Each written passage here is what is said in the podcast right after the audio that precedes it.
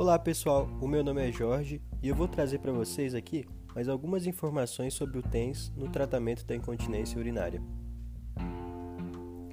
O trato urinário inferior é sensível à ação de opioides endógenos.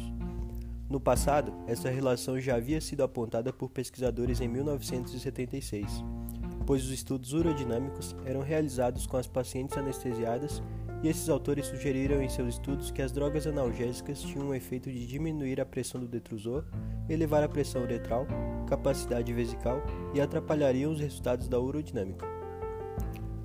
Outros pesquisadores em 1982 usaram um poderoso antagonista dos opioides endógenos, a naloxone, e comprovaram reações inversas, como aumento na pressão do detrusor, antecipação no primeiro, forte desejo miccional e queda na pressão uretral, comprovando assim os efeitos das endorfinas no trato urinário inferior.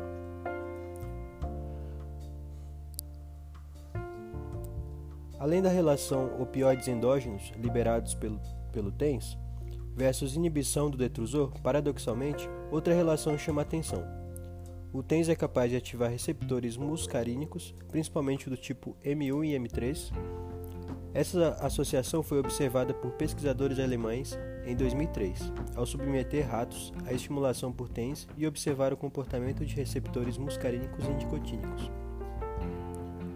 Os receptores muscarínicos estão localizados predominantemente na lâmina 2, no corno anterior da medula, que é um local envolvido na transmissão de impulsos nociceptivos.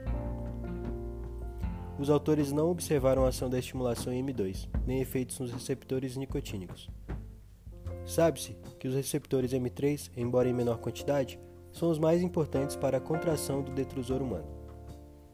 Essa relação entre o TENS e receptores muscarínicos e o efeito na contração ou relaxamento do detrusor ainda não foi bem estabelecido.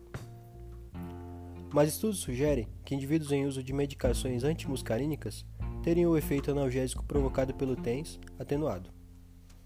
Nas disfunções miccionais, o TENS foi estudado na região suprapúbica por Fall e Lindstrom em 1994, no tratamento da cistite, intersticial, visando basicamente alívio de dor.